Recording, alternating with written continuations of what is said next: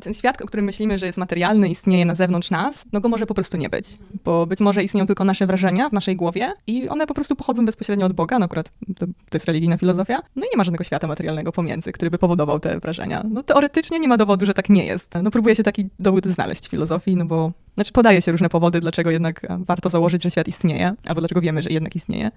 Są podatki, więc widać, że istnieje. tak. Podcast radioaktywny. E, dzień dobry, dzień dobry, moja droga. Cieszę się, że spotkałyśmy się w tym wyjątkowym wnętrzu, ponieważ jesteśmy w Bydgoszczy w hotelu, mhm. gdzie spotkałyśmy się, aby porozmawiać o życiu. O życiu. E, o życiu. Filozofia to samo życie. Filozofia to samo życie i dzisiaj, moi drodzy, jest ze mną kobieta petarda w tym temacie, promotorka filozofii, mhm. Karolina e, Polasik. Dobrze tak, mówię Polasik. nazwisko? Dobrze. Mhm. Karolina Polasik, autorka podcastów mhm. Filozofia po prostu. Mhm. I chociaż dzisiaj ten podcast z łatwością znajdziecie w top 200 w górnej granicy, top 100, e, top 100 nawet, tak, mhm. e, na Spotify'u, mhm. to ja twój podcast odkryłam, kiedy powstał pierwszy odcinek chyba? Naprawdę? Tak. Oj, tego nie wiedziałam. A widzisz, jesteś... ja to dawno. wow. Tak, natrafiłam na twój podcast, no. bo ja czasem lubię sobie poszperać, co tam mhm. nowego um, natworzył rynek podcastów, no. E, jakie nowe tytuły się pojawiły i co jest w stanie zwrócić moją uwagę. I jak zobaczyłam filozofia, myślę, a dzisiaj się odchamimy, ambitnie. I odpaliłam i absolutnie mnie zauroczyłaś tym, w jaki przystępny sposób mówisz o mhm. bardzo trudnych tematach, bo mówisz o życiu. Także pytanie na rozgrzewkę. Powiedz, czy jak byłeś dzieckiem, często mhm. słyszałaś od dorosłych takie zdanie, które chyba każdy słyszał, przestań filozofować? Nie e, filozofuj? Tak, cały czas. e, cały czas i kiedy próbowałam ludziom pokazać, że no możecie na to spojrzeć inaczej, możecie pomyśleć tak, um, no to tak, słyszałam, że no jest to szalone, po co to w ogóle komu. Um, skup się na życiu, skup się, skup się na tym, co praktyczne. Mm, ale no, ja zawsze miałam takie poczucie, że to jest jednak ważne, że w świecie jest tajemnica, której nie można ignorować i że ja chcę tę tajemnicę zgłębiać. Nawet jak nigdy nie odkryję jej prawdy, to jest to droga, którą chcę podjąć. Czyli już jako mhm. mały szkrab zadawałaś dziwne pytania i chciałaś e, wiedzieć rzeczy tak, niby oczywiste. Tak, znaczy ja byłam w ogóle bardzo um, takim dzieckiem e, wyizolowanym, byłam bardzo nieśmiała. E, co jest zupełnym przeciwieństwem tego, jaka jestem teraz. Natomiast wtedy rzeczywiście e, miałam wrażenie, że myślałam bardzo inaczej. To znaczy wiem, że pewnie każdy ma do pewnego stopnia takie wrażenie, ale ja po prostu nie rozumiałam, dlaczego e, ludzie zachowują się tak, jak się zachowują, inne dzieci czemu. Nie rozumiałam na przykład, czemu dziewczyny walczą z chłopakami na podwórku i w ogóle o co z tym chodzi. Czemu bawią się w zabawy, które się bawią. Jakby czułam taką w sobie inność, chociaż nie chcę tego mówić w takim sensie, że o, jestem taka wyjątkowa, bo bardzo też nie lubię takiego podejścia. Natomiast rzeczywiście byłam taka żyjąca w swoim świecie, o to mi chodzi. I, i myślę też, że właśnie przez to tak rozwinęłam taki bogaty świat wewnętrzny i stąd też się wzięły te moje refleksje. I myślę, że w ogóle, jeżeli chodzi o filozofię, mogę powiedzieć, jak, to, jak do tego wszystkiego doszło. Mm, to ja zawsze bardzo dużo filozofowałam, zanim w ogóle wiedziałam, że to się tak nazywa. Um, dowiedziałam się tego, kiedy dostałam książkę od mojej cudownej nauczycielki etyki z szkoły plastycznej. Jaku zazdroszczę, że miałaś lekcję tak, etyki. Tak? E, wiesz co, no miałam. miałam. No, u nas była religia. Tak, no u nas też. Czy wyniosłam coś z tego? Nie bardzo. ja chodziłam akurat i na religię, i na etykę przez pewien czas. Um, E, bo mieliśmy naprawdę fantastyczną nauczycielkę mhm. i... To jest mm, ważne. Tak, przyjaźnię się z nią do dzisiaj, pozdrawiam panią Ludmiłę. I ona dała mi książkę, która się nazywa Świat Zofii. To jest książka mm, bardzo ciekawa, bo ona opowiada historię dziewczynki, e, która dostaje tajemnicze listy mm, i te listy streszczają historię filozofii. Właśnie w taki sposób, e, trochę jak mój podcast. To znaczy mój podcast jest zdecydowanie inspirowany takim sposobem mówienia o filozofii. I no i to jest niesamowite. Książka to jest prawdopodobnie najważniejsza książka w moim życiu pod względem tego, jaki wpływ na mnie wywarła. I ale zanim, zanim to się dowiedziałam, że w ogóle to, co ja robię, to nie jest jakieś wyjątkowe i szalone i w ogóle jest nauka, która się zajmuje tego, typa, tego typu refleksjami, um, to miałam dużo swoich refleksji i na przykład dużo myślałam o Bogu. I to, ja wiem, jak to brzmi. Um, natomiast też tak sobie analizowałam, skąd to było. Um, I ja w ogóle mm, wychowałam się w takiej dość ateistycznej rodzinie, e, w bardzo religijnym kraju. Nietypowe, powiem ci. No nietypowe. Żeby tak oficjalnie było, że, nie, że ateistyczna, bo mhm. zazwyczaj jest tak, taka typowa polska rodzina, moim tak. zdaniem, która nie istnieje, to jednak mhm. jest ta rodzina, która mówi, że jest wiary katolickiej. Tak, wyznania, ale mało z tym robi. Ale nic z tym nie robi, poza tym, że tak, mówi. tak, to mhm. prawda. E, nie, to u mnie było inaczej. U mnie rodzice otwarcie po prostu mówili, że no, no nie, to ich nie interesuje. Mhm. Um, więc ja miałam takie bardzo różne perspektywy. E, z jednej strony taką właśnie bardzo mm, naturalistyczną um, i taką, no właśnie bardzo skupioną na, nie chcę mówić przyziemności absolutnie, ale no po prostu. Doczesności. Taki, tak. Um, no a z drugiej strony oczywiście te lekcje religii w szkole, chodzenie do kościoła i gdzieś jakby myślę, że też taki um, rozrzut tych poglądów i to, że jakby nikt mi nie dał gotowej odpowiedzi, e, sprawiło, że ja tej odpowiedzi zaczęłam szukać sama. I zaczęłam się, dużo zastanawiałam się nad Bogiem, e, to znaczy jako dziecko miałam w ogóle bardzo rozwiniętą e, duchowość e, i próbowałam gdzieś jakby sama znaleźć pewne odpowiedzi w tym temacie. Mm. Później już się dowiedziałam, że w ogóle sposób, w który myślałam, e, określa się tak bardzo śmiesznie Bogiem filozofów. E, Bóg filozofów to nie jest taki bożyc, który jest jakimś patronem filozofów czy coś, tylko to jest taki bardzo metafizyczny koncept, który jest niezależny od religii objawionej, to znaczy jest niezależny od chrześcijaństwa i tak dalej, tylko jest właśnie, mm, no właśnie pewnym konceptem metafizycznym, w którym na przykład się na ogół definiuje się go jako absolut albo konieczna przyczyna świata. To jest takie bardzo abstrakcyjne. Mm, I jak gdzieś w tego typu refleksje weszłam. Poczekaj, poczekaj, jako dziecko. E, no, taka nastolatka, trzynastolatka, czternastolatka. To jak ty wtedy. Myślę, że jako trzynastolatka niekoniecznie znałaś pojęcie absolut. No nie, dopiero potem Chociaż się nie nauczyłam. Wiem, wódka się nie nazywa absolut. Słucham? Chyba nie, nie wiem. No, o wódce też wtedy nie myślałam, więc. Bardzo dobrze. E, to, to w jaki sposób ty wtedy to mm. nawet mm. powiedziałabym, może nie rozumiałaś, ale czułaś, bo niektóre rzeczy wydaje mi się mm. trochę się bardziej czuje, niż jest tak. się w tak. stanie zwerbalizować. Tak, to prawda. Więc jak ty to sobie wtedy definiowałaś, widziałaś, czułaś? Mm. To znaczy uważałam, że jest, to znaczy tak, mm, wtedy wierzyłam w Boga, um, ale jakby czułam, że nie jest to związane z żadną religią objawioną. To znaczy, że jest to takie właśnie niezależne. Mm. I też myślę, że ma to bardzo też solidną argumentację, to znaczy, ojej, no nie chcę to teraz zaczynać tego wywiadu takimi ciężkimi tematami, natomiast um, jeżeli istnieje jakiś absolut, no to jest poza naszym poznaniem i nie da się go zdefiniować. Um, natomiast czy jest, to nie wiem. to, to, już mam wątpliwości dzisiaj. Um, ale no to już mniejsza o to. W każdym razie to była pierwsza moja taka filozoficzna refleksja. Um, a druga to były, były kwestie feministyczne, to znaczy jak zaczęłam już dorastać e, i okazało się, że są inne oczekiwania wobec mnie i wobec chłopców, i ja nie rozumiałam czemu. To znaczy, ja zawsze miałam takie bardzo krytyczne myślenie. Jak ktoś mi coś przedstawiał, to ja sobie od razu myślałam, no ale czemu? Czy to ma jakieś um, jakieś racjonalne przesłanki, żeby to przyjąć. I jak się okazywało, że nie ma takich przesłanek, mimo tego, bo że tak wszyscy wypada, to wyznają. Bo tak, tak się utarło. Tak. tak jest. To tak. nie jest odpowiedź. E, więc gdzieś to była kolejna rzecz, nad którą zaczęłam się zastanawiać. No i też byłam bardzo taka skłonna do dyskusji. O. Najgorszy typ ucznia, zadający pytania. Tak. No i w ten sposób wydaje mi się, że pani Ludmiła po prostu pomyślała, że być może jestem osobą, którą zainteresuje filozofia i no jak przeczytałam Świat Zofii, no to już po prostu przepadłam. E, I mimo tego, że potem studiowałam coś innego, mm, no bo też jakby w wieku powiedzmy 18 lat byłam dosyć naiwna i wiedziałam, że, znaczy wierzyłam ludziom, że e, no nie mogę iść studiować filozofii, tylko muszę studiować coś, po czym jest zawód, no bo inaczej to wiadomo, skończę w McDonaldzie i w ogóle bez pracy, no, albo w McDonaldzie, albo bez pracy. E, no i myślałam, że rzeczywiście tak jest. Nie miałam jakoś tak w otoczeniu nikogo, kto by mi pokazał, że nie. No i właśnie, a ja miałam wtedy jeszcze takie nastawienie bardzo, że no chcę być e, kobietą sukcesu e, w takim sensie kapitalistycznym, e, co potem się okazało, że mnie to w ogóle nie interesuje. Mm, no i jakby przez ten cały czas, kiedy nie byłam oficjalnie związana z filozofią, to i tak w tym siedziałam, czytałam książki, oglądałam wywiady, wszystkie moduły, które mogłam wybrać spoza swojego instytutu, to wybierałam w Instytucie Filozofii. Moja praca licencjacka była też tak wybrana, żeby była jak najmniej o tym, co studiuję, a jak najwięcej o filozofii.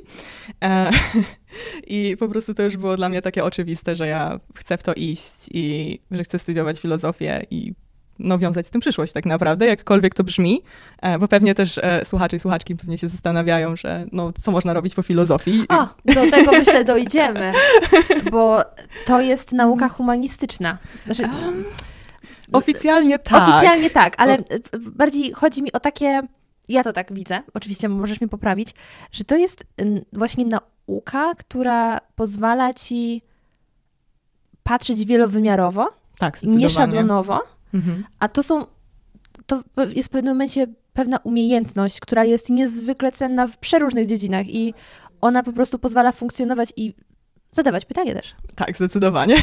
Tak jak właśnie w Twoim e, opisie Twojego podcastu ostatnie zdanie jest, że zapraszam Cię chyba coś takiego do świata zadawania pytań, czy coś w tym stylu. I to jest bardzo trafne. Właśnie tu są przede wszystkim pytania i próba znalezienia odpowiedzi, ale niekoniecznie znalezienia. Tak, to znaczy jest mnóstwo pytań i pytania są najważniejsze w filozofii. Mm, I każde pyta- do każdego pytania jest multum odpowiedzi. I nie ma czegoś takiego, że są mhm. głupie pytania. Um, to znaczy, głupie pytania mogą być wszędzie. To, to zależy, co zdefiniujemy głupim pytaniem. Mm, mogą być pytania, które są e, same w sobie już oparte na błędzie. Um, Jakiś przykładzik? Mm, co, na przykład dużo ludzi, powiedzmy, myli... Um, hmm, źle na przykład używa teorii ewolucji, powiedzmy, i na przykład E, Fajnie, że o tym mówisz. Opowiadaj. no zdarzają się takie pytania, na przykład e, ostatnio się natknęłam, czy... Mm, e, to znaczy, ktoś się zapytał, czy wrażliwi mężczyźni nie są um, sprzeczni z ewolucją. E, jakby nic, co istnieje, nie może być sprzeczne z ewolucją, bo jakby było sprzeczne, to by nie istniało. Um, bo ewolucja no nie, nie jest w ogóle jakimś procesem celowym, co ludzie tak często myślą, że ewolucja jakby ma jakiś cel. To znaczy oni tego tak nie artykułują, bo to brzmi bez sensu, ale sposób, w jaki oni mówią, implikuje to, że właśnie widzą to jako jakiś proces celowy, a to jest naprawdę tylko wypadkowa pewnych naturalnych procesów. Um, no już nie mówiąc o tym, że wrażliwość może być bardzo korzystna dla przetrwania e, i u mężczyzn, i u kobiet. No ale to właśnie to są, to są głupie pytania. To jest coś, co bym powiedziała, że jest głupim pytaniem, bo już e, samo w sobie zawiera nierozumienie tego, o co pyta. Mm, ale tak ogólnie pytania o świat, to nie ma głupich pytań. Także nawet pytanie, czy świat istnieje, nie jest głupie i filozofia jest bardzo poważnie rozważane. E, no bo mógłby nie istnieć, mógłby być iluzją. W odcinku empiryzmie jest to tak. omawiane? Tak, że, tak. Że, że nawet ten jeden z filozofów y, zastanawia się, jak to jest z jaźnią. E, Czy tak. jesteśmy w stanie doświadczać? E, tak, to znaczy przy George'u Berkeleyu um, mówiłam o, o tym, że hmm, świat może, ten świat, o którym myślimy, że jest materialny, istnieje na zewnątrz nas, e, no go może po prostu nie być, bo być może istnieją tylko nasze wrażenia w naszej głowie, um, i one po prostu pochodzą bezpośrednio od Boga, no akurat to, to jest religijna filozofia. Um, no i nie ma żadnego świata materialnego pomiędzy, który by powodował te wrażenia. No teoretycznie nie ma dowodu, że tak nie jest. Natomiast e, no próbuje się taki dowód znaleźć w filozofii, no bo znaczy podaje się różne powody, dlaczego jednak e, warto założyć, że świat istnieje, mm, albo dlaczego wiemy, że jednak istnieje. Są podatki, więc widać, że istnieje. tak. Powiem Ci, że ja się no. bardzo cieszyłam i cieszę no. teraz, to w trakcie już tego cieszenia, ale jestem szczęśliwa z tej naszej rozmowy, ponieważ uświadomiłam sobie, że to jest chyba pierwszy raz, na tych odcinków mam już ponad 100, kiedy z stuprocentową pewnością mogę powiedzieć, że mam gościa, który rozkminia więcej ode mnie. Uwielbiam rozkminiać. I e, tak słucham tej twojej historii, jak już jako dziecko rozkminiałaś, to ja wtedy za dużo takich rozkmin, jakie mam teraz, nie miałam. Natomiast absolutnie też miałam rozkminę, dlaczego ja muszę sprzątać po obiedzie, a mój brat nie. O matko, naprawdę tak było? No, albo do mhm. stołu podać mm. talerze, nie? I dzisiaj jak o tym rozmawiam z moją mamą, to ona też mówi, że to jest w ogóle bez sensu, że no tak się utarło, nie? I tak było. Ale dzisiaj też już widzi, że to nie ma sensu. Yy, I to były takie moje rozterki. Dlaczego ja na przykład odkurzam, a mój brat nie? Ale yy, najwięcej takich rozkmin mam teraz i zastanawiam się, czy ludzie naprawdę czasem nie mają takich rozkmin, bo wydaje mi się, że to jest aż, aż dziwne nie mieć, że dochodzisz do takiego pierwotnego punktu tego, gdzie jesteśmy i na zasadzie mm, rozumienia, że większość rzeczy, które się wokół nas dzieje, to jest wyłącznie umowa społeczna. Mm, tak, to umowa społeczna to jest bardzo silne, silne stwierdzenie. Um, ale tak, to znaczy to, jak się zachowujemy i jak myślimy, e, to jest w dużej mierze nasza kultura. I ona mogłaby być zupełnie inna i moglibyśmy mieć zupełnie inne zwyczaje i zupełnie inne poglądy. Um, Będąc nawet 30 kilometrów y, dalej, gdzie już jest na przykład są Niemcy albo Czechy. Tak, to też prawda. Ale też wiesz, ten aspekt, że no to już jest takie grube dla mnie rozkminianie, że takie, to się nie wydarzy, ale pomyśleć sobie można. Na zasadzie e, budujesz dom. I tak naprawdę ta ziemia nie ma właściciela. To ziemia jest, Aha. wiesz, niezależnym bytem, tak. ale jednak musisz zapłacić za działkę, bo tak. ktoś ma do niej prawo. Jest takie. To jest tak wszystko umowne. My sobie jakieś reguły obraliśmy i teraz po prostu w tym funkcjonujemy, a często ten y, system, w którym funkcjonujemy, nie jest dla nas dobry. I tak. tak, i tak sobie właśnie czasem lubię mhm. rozumieć, jak to, mhm. jak do tego doszło.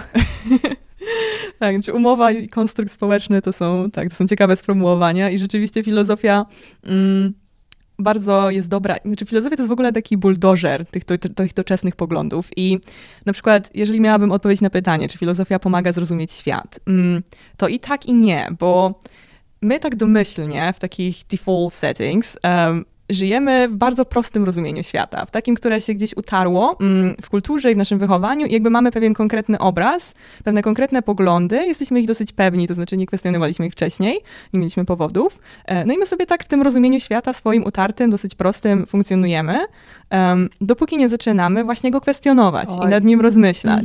I wtedy I... się pojawia moim zdaniem piękne mhm. sformułowanie Weltschmerz. tak, to na Jeden pewno. Jeden z moich ulubionych haseł. tak.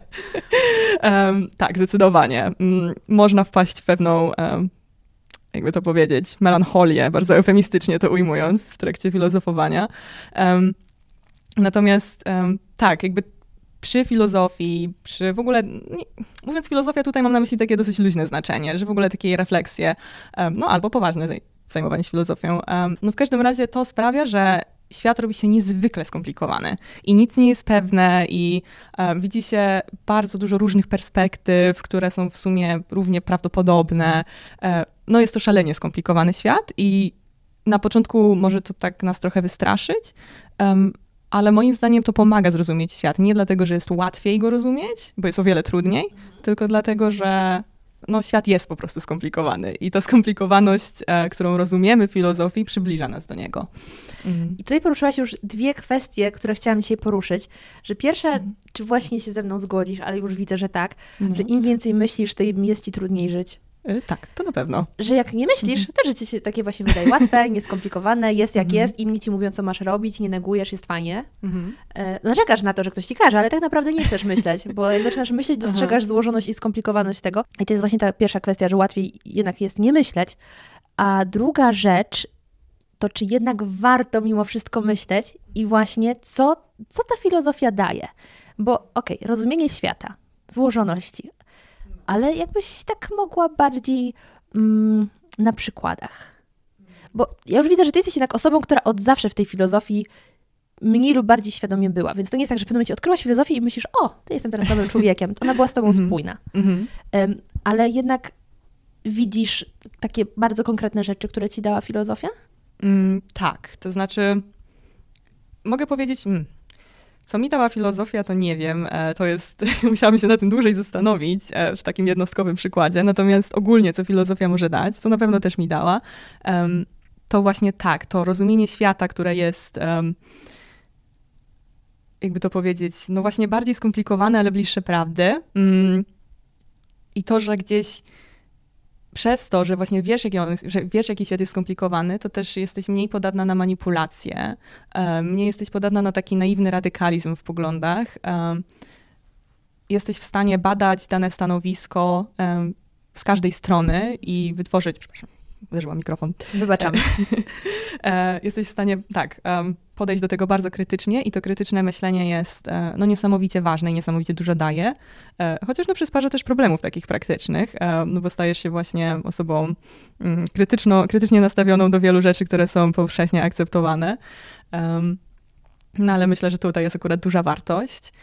Poza tym no, filozofia też pomaga wykształcić taki ogólny światopogląd, to znaczy, jakby to wytłumaczyć.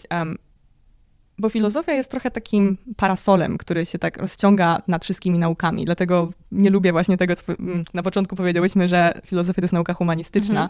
Mhm. No ona jest w ogóle ponad tymi podziałami, moim zdaniem. Mm. No tak, bo to się łączy też z fizyką kwantową. Tak, tak. I o to chcę cię zapytać, bo ja nie wiem, o co chodzi. z fizyką kwantową? I filozofią, ale do tego dojdziemy. A, dobra. Jest parasolem. Tak, i Oczywiście w filozofii jest tyle różnych poglądów i tyle różnych e, propozycji tego parasola, że tak powiem, e, że no, nie dostaniesz jednego, jednej syntezy nauk, tylko musisz jakby mm, sama sobie ją wypracować, sama do niej dojść, ale możesz do niej dojść i wtedy masz um, pewien światopogląd, um, pewne rozumienie świata, um, które jest bardziej twoje niż to takie, które gdzieś ma się tak naturalnie. No bo sama do niego doszłaś, rozważyłaś wiele różnych sprzecznych opinii e, i wypracowałaś sobie właśnie to, ten twój światopogląd. A to jest bardzo ważne, no bo ludzie muszą mieć taki światopogląd e, i on musi być syntetyczny, znaczy on musi być całościowy. A na przykład nauka jest czymś nieco innym w tym sensie, że odkrycia naukowe są niesamowite, ale one są dosyć szczegółowe. E, I filozofia zajmuje się między innymi tym, żeby gdzieś te kropki połączyć. To znaczy, że to, co wiemy o świecie, mm, żeby dać na to jakiś, e, jakby to powiedzieć, żeby tę wiedzę jakoś połączyć w pewien spójny system. O, o to mi chodzi. I to myślę, że też dużo daje. Mm, Poza tym filozofii też jest bardzo dużo właśnie o życiu. Mm. To znaczy zależy w których, w których częściach filozofii, bo na przykład w metafizyce to pewnie o życiu się za dużo nie znajdzie, e, chociaż można, myślę, że można szukać, natomiast e, no dużo jest też takiej filozofii właśnie na temat człowieka, na temat naszego życia, szczęścia, wolności, miłości, no takich rzeczy, które są dla nas ważne. Mm. I tutaj można naprawdę dużo dla siebie znaleźć. Na przykład e, dużo osób mówi o tym, że etyka stoicka jest dla nich terapeutyczna. Tak, stoicyzm jest chyba taki najbardziej mainstreamowy, można tak, by powiedzieć. stał się bardzo mainstreamowy, owszem, ale no, myślę, że jeżeli to pomaga, to bardzo dobrze. E, cieszę się, że filozofia komuś pomaga. um, tak, myślę, że można znaleźć dużo cennych, e, cennych rzeczy. Na przykład ostatnio zrobiłam odcinek o Erichu Fromie, mm, który zyskał bardzo dużo e, bardzo dużo, e, jakby to powiedzieć, był bardzo pozytywny odzew i bardzo wiele osób napisało do mnie mówiąc, że no, bardzo im to pomogło w życiu, że... O tych filarach szczęścia, tak? E, tam, to jest ostatni odcinek, że Tak, tam... tak, tak. To znaczy tych różnych płaszczyznach, mhm. e, które, w którym na których budujemy swoje człowieczeństwo. Że tam właśnie musimy coś stworzyć i że dla jednych to będą, będzie potomstwo, dla innych jakieś takie dzieła, dzieła jak podcast. tak, tak, dokładnie. Mhm. dokładnie tak, tak. Też do mnie przemówiło to, mm. co on uznaje za ważne w życiu. Tak, tak. To jest w ogóle bardzo życiowy filozof. I, I, też można czytać bez problemu jego książki, to znaczy nie jest to takie coś, że musisz tak siedzieć nad tym, jak tak, nad takim traktatem i po prostu studiować jedną stronę przez godzinę, e, tylko myślę, że można na spokojnie wziąć je na wakacje. I, e, no, w słoneczku. tak, tak, jest to niesamowity pisarz, więc, um, więc no, takie rzeczy filozofii też są i gdzieś jesteś w stanie być, o Jezu, teraz ludzie będą mnie nie lubić, że to powiem, ale częściowo jesteś w stanie być swoją własną terapeutką. Częściowo, nie chcę mówić, że zupełnie, ale filozofia pomaga. Ale właśnie tutaj oczywiście warto zrobić um, pewne pewien cudzysłów nałożyć, bo jednak żyjemy w czasach, kiedy się łapie za słówka i trochę jest przesadna momentami jakaś taka poprawność, że skróty już naprawdę myślowe bywają bardzo y, piętnowane. Więc tak, oczywiście to nie zastępuje terapii, natomiast super ważne jest jakby, jakby to, widzisz, jesteś lepsza w słowie, co się okazuje. E, nie uważam tak, super ale... Super ważne jest wejść trochę w głąb siebie, tak analizowanie, co w tej naszej głowie siedzi. Tak, dokładnie o to mi chodziło. Nie, nie, to, tak. Kurde, jaki dobry duet się stworzył. E, I, I właśnie zastanawianie się, o co mi chodzi, jak ja to rozumiem i, i jak widzę świat. I w ten sposób można lepiej zrozumieć nawet, dlaczego niektóre rzeczy nas denerwują, a inne się nam podobają siedzenie w swojej głowie bywa trudne, ale też jest bardzo yy, pożyteczne. To teraz o, o, co chodzi z tą fizyką kwantową? Znaczy ja, ja, nie jestem fizyczką, natomiast zawsze mówię, że w drugim życiu, jak, jak, jak jeżeli je dostanę, to będę się zajmować właśnie fizyką teoretyczną, -hmm. e, bo gdzieś e, amatorsko bardzo lubię przyswajać różne... Grawitację na przykład lubisz? Znaczy, czy lubię grawitację? No to tak, dzięki niej możemy żyć na tej planecie, ale... e, tak, ale bardzo szalenie mnie ciekawią te rzeczy, bo właśnie ta fizyka najbardziej abstrakcyjna mm, jest bardzo bliska w ogóle właśnie metafizyce i mm, jej odkrycia są mm, bardzo ważne dla problemów filozoficznych. nie wiem, czy mam teraz, w sensie, bo ja w ogóle nie jestem fizyczką i nie czuję się e, wykwalifikowana do tego, żeby tłumaczyć, czym jest fizyka kwantowa. Natomiast e, idea jest taka, że nie jesteśmy w stanie, z tego co wiem, z moich mało, mało jakby to powiedzieć, e, ambitnych źródeł, chodzi o to, że cząsteczki, jakby nie, nie jesteś w stanie mm, ująć dokładnej pozycji cząsteczki. My nie jesteśmy w stanie. Jest to bariera, której raczej nie przejdziemy i przez to nie podajemy konkretnej, konkretnego miejsca cząsteczki, tylko prawdopodobieństwo tego, gdzie ona się znajdzie. E, natomiast ciężko powiedzieć, czy ona rzeczywiście jest w wielu miejscach, e, czy po prostu my nie jesteśmy w stanie wiedzieć, gdzie ona jest. Kurczę, ja naprawdę nie chcę tutaj zrobić błędu. Natomiast okay. są to takie rzeczy bardzo abstrakcyjne, e, z których no, implikacja jest taka, że może być tak, że materia nie jest tak, jak myśleliśmy, że są sobie takie cząstki w sensie takich jakby, no nie wiem... Skupiska? Tak, że to nie jest tak, że jest po prostu sobie takie konkretne cząstki, one się gdzieś tam jak te takie właśnie e, najmniejsze atomy łączą, e, tylko gdzieś to jest wszystko o wiele bardziej skomplikowane. Mm. No to trochę tak brzmi. No, tak, ale ja przepraszam bardzo, jeżeli coś tutaj okay. pokręciłam. Ale to jest dla mnie fascynujące, jak... w jaki sposób nauka, czyli fizyka, yy, która, której nie rozumiem, ja nie, nie miałam szczęścia mieć dobrego nauczyciela z fizyki i to jest pokłosie tego, że absolutnie nie, nie umiem w te wszystkie prawa, Newtony i tak dalej, że taka nauka wydawałoby się bardzo w moim umyśle techniczna, że musisz wyliczać, to są takie rzeczy dużo, dużo ym, tych ym, działań, właśnie, że trzeba coś policzyć, wyliczyć, prędkość, coś tam, coś tam. Jednocześnie znajduje tyle punktów wspólnych z nauką, która rozkmija E, tak, tak, bo fizyka bada, mm, bada świat na takim najbardziej fundamentalnym poziomie. E, I na przykład no, z fizyką kwantową jest tak, że jakby poznajemy nowe właściwości materii i też zmieniamy kompletnie perspektywę na to, czym materia jest. A to dla filozofii też jest bardzo ważne. Mm, I też na przykład pamiętam, ja w ogóle uwielbiam e, czytać Stephena, Ho tak, Stephena Hawkinga. Mm tak, żeby pomyliło mi się ze Stephenem Kingiem, czy przypadkiem nie wierzę. To by było bardzo żenujące. W razie tak. czego się wytnie. nie, Stephena Hawkinga, e, ponieważ on jest też właśnie tym, e, dla fizyki zrobił dużo takiej pracy popularyz popularyzatorskiej.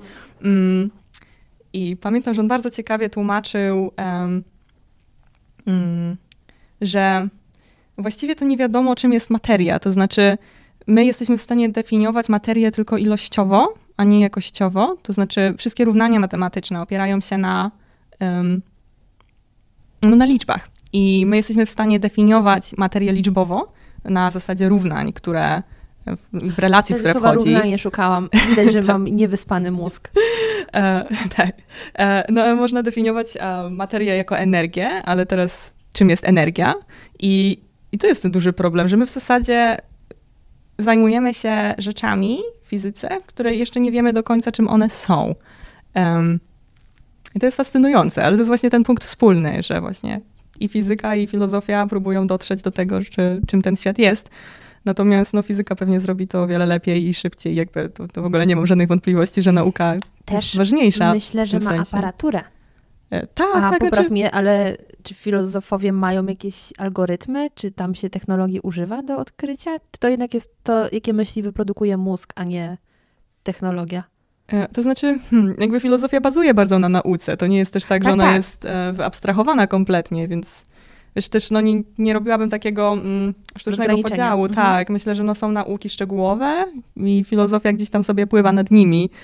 No, jak korzysta z odkryć fizyki czy biologii, no to w, w pewnym sensie ona bazuje na. Tak. No właśnie. Ale to skoro filozofia bazuje na wielu naukach, to czy naukom przydaje się filozofia? Mm, to jest ciekawe pytanie. E, ja uważam, że tak. Nie wiem, czy wiele naukowców, czy, nie wiem, czy naukowcy i naukowczynie się ze mną zgodziły. Mm, część pewnie nie, część tak. E, fizycy na ogół mają skłonność do filozofii, e, też są bardziej religijni mm, niż na przykład biolodzy, co ciekawe. Mm, biolodzy są tacy bardziej konkretni, nie? tacy przyziemni, a, a fizyka rzeczywiście jest tak abstrakcyjna, że oni, oni rozumieją lepiej te takie abstrakcyjne idee, którym zajmuje się filozofia czy religia. Um, no to już jest takie upraszczanie oczywiście. Um, natomiast tak, znaczy filozofia w ogóle zajmuje się rzeczami, które są dla nauki ważne, na przykład filozofią nauki, metodologią nauki. Etyką też chyba trochę badań. Y, tak, tak, to też, na przykład bioetyką. Um, no i też zajmuję się na przykład takimi bardzo abstrakcyjnymi rzeczami, ale które są ważne dla nauki, na przykład czym jest prawda. I no to też nie jest wcale takie proste. Mm -hmm. um, Także tak, myślę, że jest bardzo ważna, bo nauka, nauka ma inną metodologię i się zupełnie innymi rzeczami zajmuje. Nauka bada pewne szczegółowe problemy bardzo szczegółowymi metodami. Um, natomiast no, ona nie rozwiąże na przykład problemów moralnych, ani nie będzie mówiła sama o sobie, to znaczy w sensie takim właśnie tej filozofii nauki. Um, więc tak, myślę, że jest potrzebna. Poza tym każda nauka też opiera się na jakichś założeniach, na przykład na przykład na tym, że świat jednak istnieje, tak? Więc jeśli nie, zupełnie to wolno od filozofii nie po jest. Po co to wszystko, jeśli nie istnieje? Czym my siedzimy? Dlaczego tu weszliśmy? Um, a powiedz mi, bo teraz wpadła mi do głowy taka myśl, ponieważ filozofia jest stara, delikatnie mówiąc. Ona tak. już swoje przeżyła, e, mnóstwo ludzi po drodze się nią interesowało i swoje myśli wniosło. Ale zastanawiam się, czy można wskazać na jakieś nurty myśli popularne w danym momencie. Czyli powiedzmy, mm, przekładając to na bardzo przyziemne tematy mody, e, teraz widzimy e, powrót do szerokich spodni. Tak. Moje spodnie są bardzo teraz niemodne, e, bo młode pokolenie lubi szerokie, natomiast nasze pokolenie pamięta zimy, kiedy się te dżinsy szurały o śniegu i my już tam byliśmy, dziękuję bardzo. Ale widać takie tendencje. Za chwilę to się zmieni. Czy filozofia też ma jakieś teraz takie wspólne trendy, przekonania, że na przykład e, myśliciele sprzed 50 lat obecnie wydają się tacy trochę, no, nieodpowiednie do czasów, czy zupełnie czegoś takiego nie ma, że tam są bardziej myśli jednostek niż jako osoby działające w tej dziedzinie mają teraz jakieś wspólne rozkminy? Wiesz co, to jest bardzo ciekawe pytanie i ciężko na nie tak e, jednoznacznie odpowiedzieć. Może ja tak pokrótce streszczę historię mhm. filozofii, ale... Fantastycznie. Nie śmiałabym cię o to prosić. tak, tylko chcę powiedzieć, że jakby nie będę tutaj zanudzać. E, zresztą ja też nie jestem historyczką. Mm. Każdym razie filozofia na początku, e, czyli gdzieś w starożytnej Grecji, e, no była jednoznaczna z nauką, to znaczy to nie było żadnego takiego rozdzielenia. Mm, filozofia po prostu była zastanawianiem się nad światem i próbą wytłumaczenia świata bez bogów. E, to znaczy, no bo oczywiście łatwo jest powiedzieć, że jest burza i są pioruny, bo Bóg się zezłościł. Tak, natomiast z tego wytłumaczenia mało co wynika, dlatego ono jest naukowo problematyczne. Mm, natomiast filozofia zaczęła się wtedy, kiedy zaczęto e, próbować wyjaśnić zjawiska naturalne e, rzeczami, które już znamy. To znaczy nie wymyślaniem jakiegoś nowego bytu, jakichś bogów, tylko używaniem rzeczy, które już są w świecie, na przykład wody, ognia. Tak, ta pierwsza filozofia właśnie tak wyglądała, że na przykład właśnie powiedzmy Thales powiedział, że wszystko jest z wody, że woda jest pierwiastkiem, z którego wszystko się składa. I wszystko są inne formy wody. Um, ktoś powiedział, że właśnie nie, to jest wiatr, albo ktoś powiedział, że to jest jakiś w ogóle byt jakiś taki abstrakcyjny. No takie różne rzeczy się wtedy, e, się wtedy rozważało. Był, była też teoria atomizmu, e, to znaczy Demokryt e, stworzył taką, czy stworzył, mm, miał swoich poprzedników, natomiast jest taki najbardziej znany. W każdym razie mm, powiedział, że wszystko składa się z malutkich atomów, takich drobnych cząsteczek. Gdzie ona to tak, padł? które się łączą takimi haczykami ze sobą i, i potem się rozpadają i tworzą coś innego. E, także no, wyjątkowo nowoczesna teoria. Tak. I zupełnie, zupełnie wyabstrahowana umysłem, no bo oczywiście on żadnych atomów nie mógł zobaczyć. Mm. Także, także tak wyglądała filozofia w starożytnej Grecji. Um, potem ona też e, włączyła człowieka w to, to znaczy zaczęto się właśnie zastanawiać nad um, na tym, czym jest człowiek, jakie są jego wartości, e, przede wszystkim też jak powinien żyć, żeby być szczęśliwym. E, tutaj się pojawia właśnie ten stoicyzm. Potem przychodzi średniowiecze, gdzie no, głównymi problemami no, są problemy religii przede wszystkim. Chociaż też nie tylko, to znaczy to nie jest tak, że oni tylko mówili o Bogu, chociaż rzeczywiście jak rozważali inne problemy, no to też z takiej perspektywy oczywiście religijnej, opartej na dogmatach religijnych i tak dalej.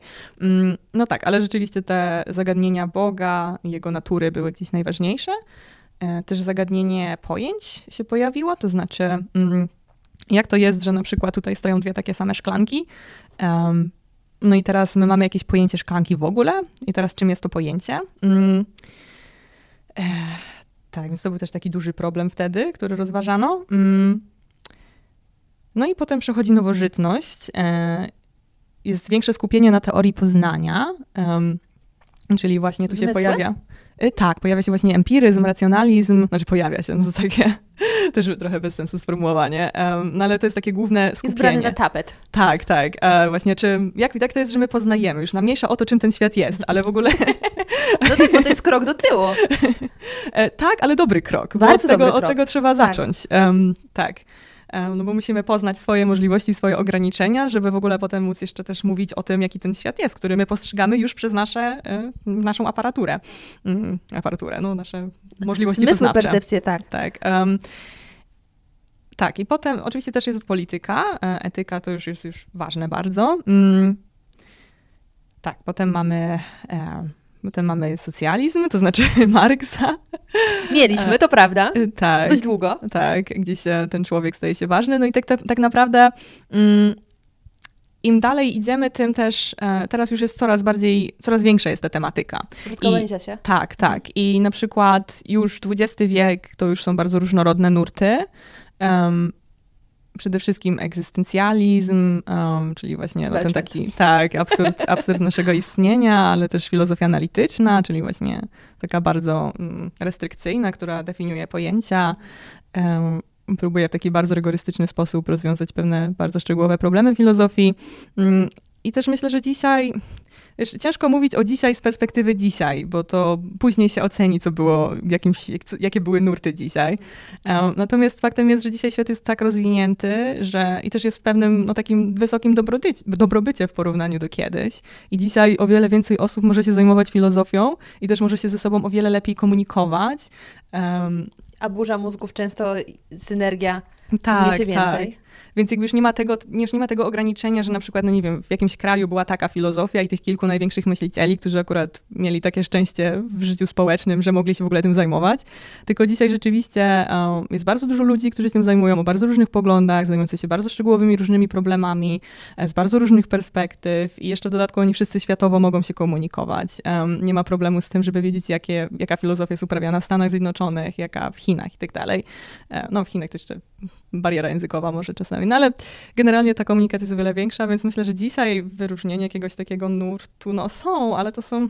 Na pewno trochę o technologii się kmini. Tak, no na pewno to jest coś, czego nie było wcześniej. Tak. Okej, okay. no ale to też wynika po prostu z tego, że to się mhm. pojawiło. Mhm. Okej. Okay. Tak. Czyli jak się spotkamy za 50 lat, 70, zapraszam już dziś, e, to się okaże, jakie były główne myśli tego czasu. Tak, naszego wieku. No zobaczymy. Słuchaj, myślę, że to jest dobry moment na kącik. Uwaga, jingle. Trudno uwierzyć, że coś takiego jest możliwe. O czym ty do mnie rozmawiasz? Jest to moja droga, mm. taki kącik, segmencik. Mm -hmm, tak, którym... słyszałam w twoim podcaście. Okej, okay. czyli już mm. nie będzie straszne, jeśli powiem, że są to rozkminy z dupy -hmm. i ciekawostki. tak. I tym razem będzie troszeczkę wyjątkowo, ponieważ ten podcast powstaje w czasie podcasturu i ostatnio byłam w Krakowie. W Krakowie spotkałam się z patronami i wtedy jakoś tak właśnie burza mózgów pojawił się pomysł, aby te ciekawostki, które możecie do mnie podsyłać, niekoniecznie były podsyłane w formie maila, Instagrama, tylko śmiało wysyłajcie do, do mnie od razu audio z tymi um, rozkminami. I tutaj mamy pierwsze audio od, uwaga, Weroniki. E, już znajdę. Ja go wcześniej nie słyszałam, więc zobaczymy, co tam Weronika e, nagrała. Ale jest to jej ciekawostka na temat y, Da Vinci, ponieważ Da Vinciego może powinnam odmienić, ponieważ do Weronika y, studiuje kulturoznawstwo i taki obrała temat, także odpalam. Dwie ciekawostki z dupy o Leonardo da Vinci. Pierwsza jest taka, że Leonardo był prokrastynatorem. I Kamal, możemy mówić o jego perfekcjonizmie, ale przede wszystkim tym był prokrastynatorem. Prace trwały latami nad jednym obrazem. Brał ich milion zamówień naraz, nie kończył prawie żadnego. To prawda. E, stworzył własną technikę malarską tylko po to, żeby móc malować obraz trzy lata, a nie kilka miesięcy, tak jak normalnie by to trwało. Jakby można mówić o perfekcjonizmie, ale przede wszystkim był prokrastynatorem. I generalnie, jeśli chodzi o wymyślenie własnej techniki, to zjebał konkretnie, bo obraz był w tragicznym stanie już zaraz po jego namalowaniu. I żeby próby przywrócenia tego obrazu do żywotności jakiej takiej trwały siedem razy tyle, co jego w ogóle malowanie.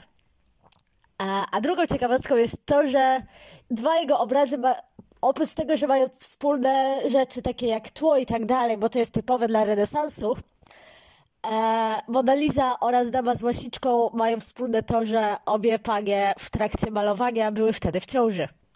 Jedna z kochankiem, a druga z mężem. Można się domyślać, kto z kim. Y, bardzo dziękuję, Weronika.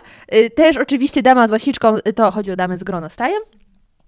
Bo to też Weronika na żywo mi opowiadała, więc wtedy się sprostowała, także teraz też wtrąciłam.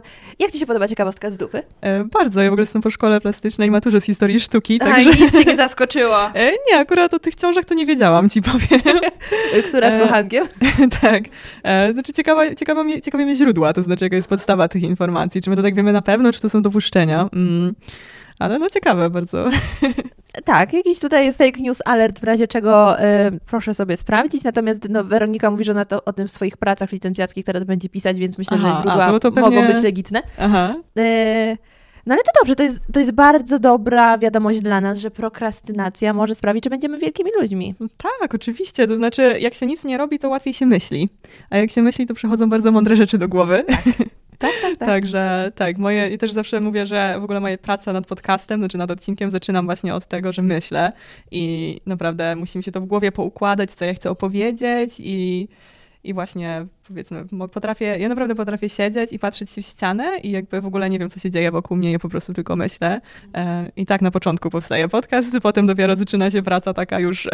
Taka już konkretna, tak, taka tak, widoczna. Tak, taka widoczna. Mm, zgadzam się, bo y, mnie w dwóch przypadkach wpadają dobre pomysły. Raz jak jadę samochodem, ale ostatnio za dużo śpiewam. Ja parę godzin jazdy zazwyczaj śpiewam, więc już nie ma czasu na myślenie. E, ale drugie, to jest niesamowite, że właśnie po całym dniu pracy, głównie przed komputerem, bo montuję różne, różne podcasty, e, nagle wstanę, idę nawet, nie wiem, umyć talerz i nagle bang, tak, chwilę tak. zmienić ten i, i jest ten pomysł, także mózg jest super, polecam. tak. A powiedz, czy ty masz jakieś um, odkrycie z ostatnich czasów, ostatnich dni, miesięcy, którym chciałabyś się podzielić? Jakaś rozkmina? Wiesz, no jesteś, po, jesteś tutaj w filozofii, o rozkminę no nie ciężko. Um, możesz nawet jakąś starszą dać, ale coś, co cię zaskoczyło. To znaczy, ja się teraz zajmuję mm, pojęciowym poznaniem świata, czyli właśnie dużo jakby czytam i zastanawiam się nad tym, Czyli to to, co się w nowożytności działo? Właściwie to bardziej później. Mm, to znaczy, to już jest z takiego podejścia właśnie analitycznego. E, I teraz jakby mm, chodzi o to, że to, co poznajemy, mm, jest zawsze wpisane w pewną konceptualną siatkę naszego rozumienia. To znaczy, Przepraszam, ja wiem, że to brzmi tak teraz bardzo Na razie brzmi tak, że rozumiem, także lecisz. Dobra. E, chodzi o to, że jakkolwiek na coś patrzysz, na przykład posłużać tą szklanką, to to nie jest tak, że do ciebie mm, wpada jakaś taka plama świetlna i ty tą plamę świetlną dopiero interpretujesz, tak jak było na przykład w empiryzmie takim klasycznym, e, tylko już kiedy patrzysz na tę szklankę, już masz cały asortyment pojęć, których może, które możesz wykorzystać, aby, aby pojąć tę szklankę w pewnym sensie. Więc jakby już na nią patrzysz, e, już wiesz, że to jest szklanka. To nie jest tak, że ty patrzysz, jakby już wiesz od razu, co to jest. To jest związane z twoimi skojarzeniami, wszystkimi, z całą twoją uprzednią wiedzą. Więc nasze patrzenie na świat jest bardzo mocno skonceptualizowane już. To jest bardzo ważne, ponieważ to znaczy, że. To znaczy, patrzymy na świat z pewną kalką, ale ta kalka jest bardzo nasza, taka ludzka, mm, bo ona jest pojęciowa. No ja się teraz zajmuję tym, co to znaczy. I zastanawiam się też na przykład problem tych pojęć, to znaczy, kiedy my mamy takie odwzorowanie pojęciowe świata mm, w naszej głowie, bo myślimy przez pojęcia, nie możemy myśleć bez pojęć to czasami jest tak, że te pojęcia odrywają się trochę od tej rzeczywistości. To znaczy, one powinny jej odpowiadać, powinny z nią korespondować. Ale dosyć często jest tak, że mm, one zaczynają żyć własnym życiem. I tutaj są duże zagrożenia. I teraz może powiem, o co mi konkretnie chodzi. Na przykład. Na przykład powiedzmy, że chcemy sobie porównać wzrost kobiet i mężczyzn. I bierzemy, co my robimy tak mentalnie, jeżeli mamy to przeanalizować? Grupujemy sobie ludzi na dwie grupy. Tworzymy takie dwa zbiory. Niski i wysoki? Nie, nie, nie, kobiety i mężczyzny. A, mężczyźni. Okay, okay, okay. Um, i po prostu kwalifikujemy ich do tych zbiorów na podstawie pewnych kryteriów. Nie będę tych kryteriów definiować, ponieważ nie chcę tutaj nikogo urazić. Natomiast to właśnie robimy. Tak naprawdę w ogóle pojęcia takie ogólne, typu kobieta i mężczyzna, to nie są rzeczy, które istnieją w rzeczywistości, bo w rzeczywistości są tylko prawdziwi, konkretni ludzie. Są po prostu, po prostu miliardy ludzi, a jeszcze więcej miliardów tych przeszłych i przyszłych. I, i to jest to, co istnieje. E, a pojęcia ogólne, no to już są nasze pojęcia. No więc my grupujemy sobie ludzi, badamy ich, mierzymy ich wzrost, wyciągamy z tego średnią i te średnie porównujemy. I wtedy dochodzimy do takiego stwierdzenia, że um, mężczyźni są średnio wyżsi niż kobiety. Mm, a raczej, że średnia wzrostu mężczyzn jest wyższa niż średnia wzrostu kobiet. I to jest stwierdzenie poprawne. Ono jest poprawnie wydedukowane matematycznie, tylko że ono bardzo się szybko zamienia w stwierdzenie, że mężczyźni są wyżsi od kobiet, a to nie jest prawda. E, no bo jest wiele kobiet wyższych od mężczyzn. I... Doświadczam. tak, ja również. E, tak, mam prawie 1,80 m. Ja też. no. E, także, e, także kiedy ma, tworzy, tworzy nam się takie stwierdzenie, ono jest błędne, ono jest pewnym uproszczeniem, które poszło źle. I my teraz widzimy, że ono jest sprzeczne z rzeczywistością. I co my robimy? E, my próbujemy rzeczywistość upchnąć w to nasze błędne stwierdzenie. To znaczy, próbujemy na siłę na przykład. No nie wiem, no jest takie stwierdzenie, że w związku mężczyzna musi być wyższy, e, czego ja nie uznaję. I często się wtedy spotykam z tym, że z takim jakby mm, z taką złością ludzi, takim oburzeniem, że na przykład mam niższego partnera. Szczerze? No. ze swojej strony to ja cię podziwiam. tak? Dlatego, że jednakowoż ja się czuję komfortowo, kiedy ktoś jest ode mnie wyższy. E, także ja o wiele bardziej chciałabym mieć takie hmm, doesn't matter, nie? A znaczy, ja, ja jednak psychologicznie wolę, jak ktoś jest mm -hmm. wyższy. Także tak, zupełnie tak. nie rozumiem głosów krytyki, jak ktoś, tak jak mówi, że ktoś może krytykować, że jest się z niższym partnerem. Zajebiaszczo, kibicuję. Dziękuję. Znaczy ja to zupełnie rozumiem, bo to oczywiście ma też psychologiczne tak, i tak, pewnie tak. też biologiczne podłoże, natomiast krytykować kogoś i twierdzić, że to jest jakieś złe, no to to już jest inny poziom, tak? To już jest coś bardzo... Mm, no właśnie takiego sztucznego, no bo... Ale wiesz, wzrost jeszcze jest ważny, ale mniej kontrowersyjny niż waga. I tutaj ile założeń przez lata powstało i, i myślę, że to jest o wiele większy problem, że się też um, wyszło z założenia, że mężczyźni jedzą więcej. Więc jeśli kobieta zamawia burgera, a facet sałatkę, to coś jest nie tak. A nie. Tak, to zależy od tylu czynników Dokładnie. biologicznych, że... I, I tak, dobrze mówisz, że teraz próbujemy mm, te, te błędne założenia upchnąć w rzeczywistości i tak, wychodzą tak. z tego kłopoty. Tak, i to się właśnie bierze z tego, że no właśnie w ogóle pojęcia akurat kobiety i mężczyzny, też nie chcę wchodzić na takie bardzo kontrowersyjne rzeczy, ale to są ogromne uogólnienia, w którym przypisujemy bardzo dużo cech, to znaczy bardzo, różnych, bardzo wiele różnych kryteriów, mm, nie tylko biologicznych, ale też kulturowych i psychologicznych i no naprawdę mnóstwo. No i ludzie są zbyt różnorodni, żeby ich podzielić tylko w takie dwie grupy bardzo szczegółowo pisane. Mm, no i właśnie to jest ten problem, że ta różnorodność świata często nie koresponduje z tymi naszymi uproszczonymi pojęciami.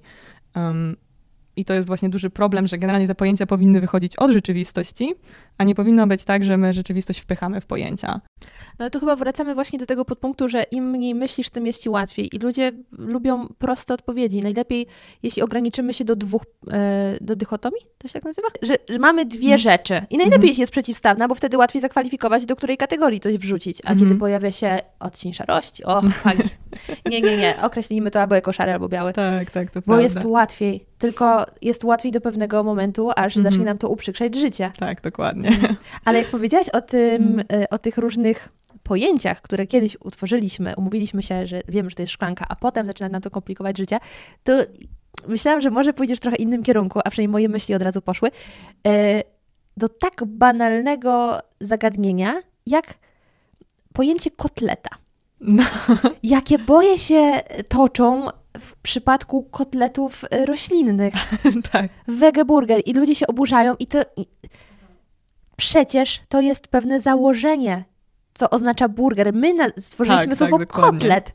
Więc jak możemy się teraz oburzać, że nie, ono znaczy tylko tyle? Tak. Przecież z innej beczki. To, co tam leży, bo jesteśmy w pokoju hotelowym, to jest poduszka. I w samochodzie też mamy poduszki powietrzne. I nikt się nie spodziewa, że poduszka powietrzna będzie tą miłą poduszką, na której spałam. Tak samo, jak można się spodziewać, że kotlet roślinny będzie mięsny, skoro jest początek roślinny. Sztuczne no. kwiaty nie wskazują no. na to, że są prawdziwe kwiaty, tylko sztuczne. Tak. A ludzie się tak denerwują. tak, tak, dokładnie, tak jest. To znaczy, to jest bardzo dobre, e, bardzo dobre. Mm bardzo dobrze to ujęłaś i to jest rzeczywiście duży problem, bo kolejna sprawa z tymi pojęciami jest taka, że my im przypisujemy właśnie jakąś taką wartość absolutną, że one są jakimś takim... Oraz emocjonalną. Tak, tak, że po prostu to jest gdzieś wyryte w kamieniu to, czym jest kotlet, czym jest kobieta, czym jest właśnie coś tam. No to oczywiście nie jest. To są pewne narzędzia, które, którymi my się posługujemy, żeby opisać ten różnorodny świat. On jest zbyt różnorodny, żebyśmy mogli go myśleć tak konkretnie. E, nie można myśleć o wszystkich kotletach, jakie kiedykolwiek zostały ugotowane i teraz, żeby powiedzieć kotlet, to trzeba byłoby je wszystkie wymienić, czy w ogóle o co chodzi. Jakby no nie da się tak zrobić. Dlatego robimy te uproszczenia i to my sami im też nadajemy definicję, to znaczy to w zasadzie od nas zależy, co my chcemy, żeby słowo kotlet oznaczało. Więc no to są rzeczywiście spory zupełnie bez sensu i to, że tyle energii się wylewa na tego typu rzeczy, to jest smutne. To tak, jest zdecydowanie możemy smutne. tak dobrze spożytkować. Mhm. Y, teraz tak się zastanawiam. My do tego doszłyśmy od tego, że zapytamy, jaka jest twoja ostatnia rozkmina, prawda? Tak. I że tak. zaczęłaś się tym zajmować. Y, tak, znaczy to jest coś, o czym myślę najwięcej ostatnio, okay. natomiast to z tego wyszła bardzo dobra rozkmina. I tym sposobem zamykamy no. kącik, o czym ty do mnie rozmawiasz. A to był cały czas ten kącik? To był właśnie cały czas kącik, bo tak myślę, czy go zamknęłyśmy? Nie, ale powiedziałeś, że masz też rozkminę i doszliśmy tu. Tak, tak, to był kącik. O czym ty do mnie rozmawiasz? Niestety trzeba było wyciąć bardziej soczyste wiązanki. Dawno nie było tyle dobrych rozkmin e, w tym mhm. kąciku. E, chciałam cię jeszcze podpytać, czy mm, masz przykład jakiegoś myśliciela? Myślę, że słowo myśliciel jest takie przyjemne. Tak, to jest dobre słowo. Um, którego poglądy najpierw, jak się z nimi zapoznałaś, cię zszokowały i pomyślałaś, jak ty to wymyśliłeś, człowieku? A potem doszłaś do wniosku, kurde, no, w sensie brzmi legitnie. O kurczę, ciekawe pytanie. Mm, jak zaczynałam z filozofią tak zupełnie, e, no bo to był też ten czas takich największych szoków, mm, właśnie pamiętam, że bardzo lubiłam Platona. Mm. I cały czas mam dzisiaj do niego sentyment, w tym sensie, że uważam, że to jest piękna filozofia i piękna literatura. Natomiast. E, znaczy. Teraz zmieniam swoje poglądy metafizyczne. Nie wiem, czy ona jest życiowa, czy nie, bo ona mało traktuje o życiu. Ona właśnie traktuje o ideach. Mm. Właśnie o tym, że e, tak jak przed chwilą mówiłam o tych ideach ogólnych, właśnie, że jest idea szklanki, idea czegoś tam, no to właśnie Platon twierdził, mm, czy sugerował, że to może być taka E, że to jest ta że prawdziwa rzeczywistość, bo idee są niezmienne, są ogólne, są trwałe, są po prostu um, jakby, jakby to powiedzieć, no lepsze niż rzeczywistość i też On bardziej przed rzeczywiste. internetem. E, Teraz nie ma rzeczy tak trwałych. no tak. Um, tak, ale to, to jest bardzo piękne. To znaczy, jest bardzo piękne to twierdzenie, że są te idee, gdzie w ogóle, gdzie, który, i wszystkim tym ideom przyświeca idea piękna, idea dobra, jakby, no bardzo takie poetyckie i piękne. Um, I to wywarło na mnie na początku duże wrażenie. Um, i ja rzeczywiście, bardzo w ogóle na mnie wrażenie wywierały te wszystkie metafizyki, które były takie bardzo inne od takiego naszego zdroworozsądkowego myślenia o świecie. E, na przykład ten wspomniany wcześniej George Berkeley też zrobił na mnie duże wrażenie, że właśnie rzeczywiście wszystko może być iluzją. I ja po prostu potem, jak chodziłam na jakiekolwiek spotkania towarzyskie, tak, tak, brałam butelkę piwa i opowiadałam o tym, jak ta butelka prawdopodobnie może nie istnieć. I to było moje pięć minut, e, pięć minut imprezy, ale tak, bardzo mnie to fascynowało. Dzisiaj, dzisiaj już myślę, że, że raczej bez przesady. Natomiast um, He, teraz nie wiem, czy to powiedzieć, czy się do tego przyznawać tak publicznie. Mm, duże wrażenie zrobił na mnie marksizm, ale to muszę teraz wyjaśnić. Wiesz, na wielu zrobił, no i Tak, tak. Znaczy to jest w ogóle filozofia, wobec której nie można przejść obojętnie. To znaczy ona tak rzeczywiście oddziałuje emocjonalnie na człowieka, który rzeczywiście żyje w tym świecie pełnym interesów. I moja historia też była taka, że ja po prostu studiowałam w Anglii um, i w ogóle przeprowadzka do Anglii była takim, um, takim wyjściem z bańki, no bo wcześniej sobie, wiadomo, byłam sobie uczennicą e, e, dobrej szkoły i tak sobie w sumie funkcjonowałam, wszystko było łatwe, proste, żyłam w swojej właśnie takiej bańce, że nawet, nawet nie za bardzo spotykałam ludzi o innych poglądach czy innych wartościach, bo już byłam wśród ludzi, którzy mieli te same wartości, mm, znaczy podobne przynajmniej. E, no i nagle wyjechałam do Anglii bez pieniędzy, z założeniem, że ja sama się tam utrzymam w nowym kraju. E, no to było szalone. E, to było szalone i to jakby też mnie nauczyło życia. To znaczy, to był taki trochę policzek w twarz, który mi pokazał, że no, świat jest taki, a nie taki, w jakim ja żyłam. Oczywiście też pracowałam, co było też moimi, moimi pierwszymi doświadczeniami z pracą. Mm, I no to też mnie sprawiło, że ja zaczęłam myśleć o sensie tego wszystkiego. Na przykład do dzisiaj pamiętam, jak pracowałam w kawiarni. W takiej sieciówce, której tutaj nie ma. E, I obok nas stała reklama, znaczy dosłownie kilka metrów od naszej kawiarni stała reklama, taki baner e, innej sieciówki e, kawiarnianej, która reklamowała swoje automaty do kawy. I ta reklama wyglądała tak, że tam jest automat, e, ten, z tego automatu jest dymek i w tym dymku było napisane, w sensie, że ten automat mówi, jestem tak, w sensie, że, jak to, jak to było? Aha, jestem taki sam jak barista, tylko że bez brody. I mnie to bardzo zastanawiało, nawet o tym wspominałam w swojej pracy licencjackiej, nawet wstawiłam zdjęcie i w ogóle tak mnie to zafascynowało, bo to był taki jasny przekaz, że właściwie to, co my robimy, e, że my poświęcamy swój czas, swoją energię w tej kawiarni na robienie czegoś, co może zrobić maszyna. I ona naprawdę może to zrobić. Przepraszam wszystkich hipsterów i miłośników kawy, ale to, że ktoś ci robi tę kawę w kawiarni, zwłaszcza sieciówkowej, to nie ma znaczenia. Maszyna może to zrobić o wiele lepiej. I i to było takie dobitne bardzo, wiesz, że kurczę, świat jest urządzony na takich no, zasadach nieracjonalnych bardzo. E, no i też w ogóle w Anglii też jest tak, że ponieważ Anglia mm, nie ma tej historii, jaką my mamy, to tam w ogóle słowo komunizm czy marksizm nie kojarzy się zupełnie tak jak tutaj. To znaczy tam jest ono bardziej właśnie takie neutralne. I tam każdy większy uniwersytet ma swoje e, kółko marksistowskie, jakkolwiek to brzmi, ale oni tam mają kółka od wszystkiego, nawet, e, nawet kółko od Quidditcha było na moim. Mm, tak. Jakby się zastanawiała, co oni tam robią, no to rzeczywiście spotykają się w parku z miotłami i z tymi miotłami Zamiatają. grają. Nie wiem, co oni tam grają z tymi ale tak, także tak jest w Anglii. Mm, no i ja taka sfrustrowana tym wszystkim, taka zagubiona w tym społeczeństwie, e, z ciekawości tam poszłam. Czekaj, na mm. Quidditcha? Czy nie, nie, nie, na Quidditchu nigdy nie byłam. E, poszłam do tych marksistów. I wiesz, w Anglii to są fajni ludzie generalnie. Znaczy, to nie jest tak, że to są jakieś e, wyrzutki czy coś takiego. To są ciekawi ludzie, którzy mają po prostu jeszcze taką młodą energię m, zrobienia lepszego świata. I oni naprawdę wierzyli, że marksizm może to osiągnąć, że można jeszcze raz spróbować i tak dalej. Mm, no ja się wtedy zapoznałam z tą filozofią i ona rzeczywiście sprawiła, że zaczęłam myśleć inaczej o świecie. To znaczy, Dzisiaj jestem raczej liberałką, mm, jakkolwiek. E, tak, e, dzisiaj już mam takie bardziej stonowane stanowisko i takie bardziej dorosłe, mm, znaczy dorosłe, mm, typowe dla osób dorosłych, to chciałam powiedzieć.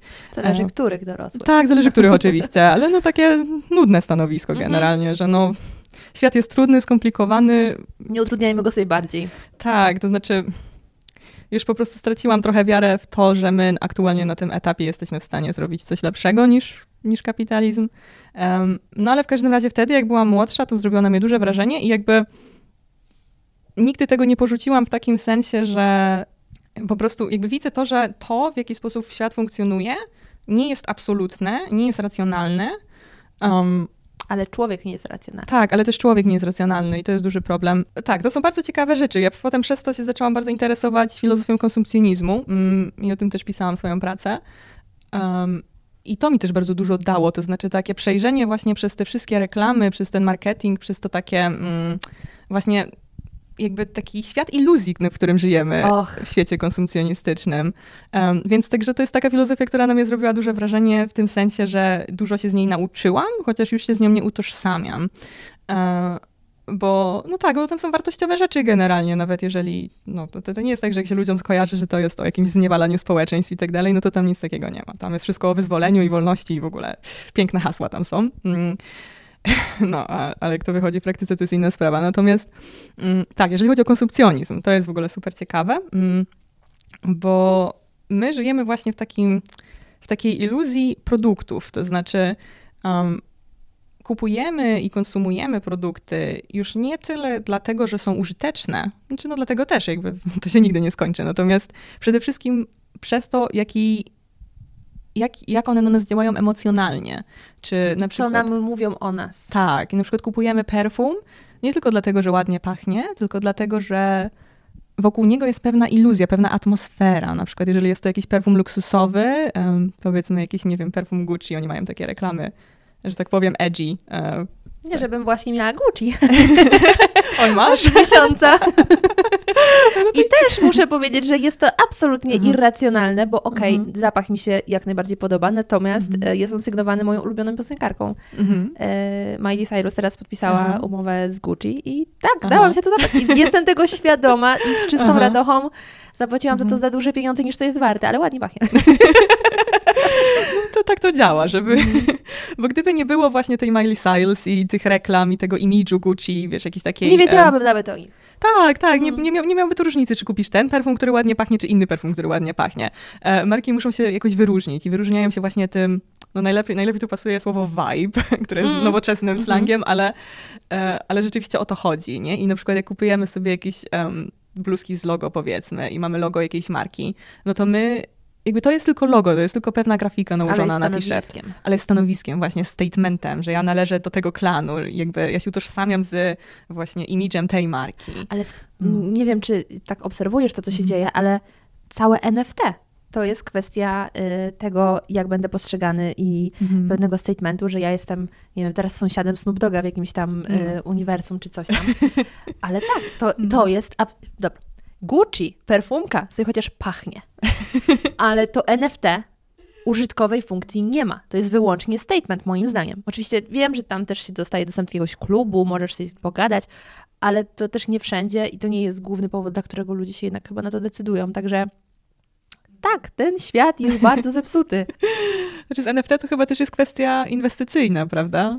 Niby tak, ale z drugiej strony, yy, czy to nie jest bańka, która sobie zaraz pójdzie, bo wiesz, Bitcoin czy w ogóle kryptowaluty, to jest ich wiele. To są takie same uproszczenie, bo znowu to jest coś, co nie istnieje. To są moneciki, które mamy takie same i sobie nimi płacimy.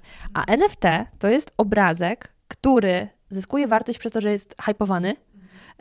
I dajmy na to, celebryta ma tą swoją małpę, chyba że na polskim rynku jest to niedźwiedź. No. I pierwsza osoba, która to kupi, traktuje to jako inwestycję. I faktycznie przez to, że kupiła to od jakiegoś um, celebryty, to to ma wartość.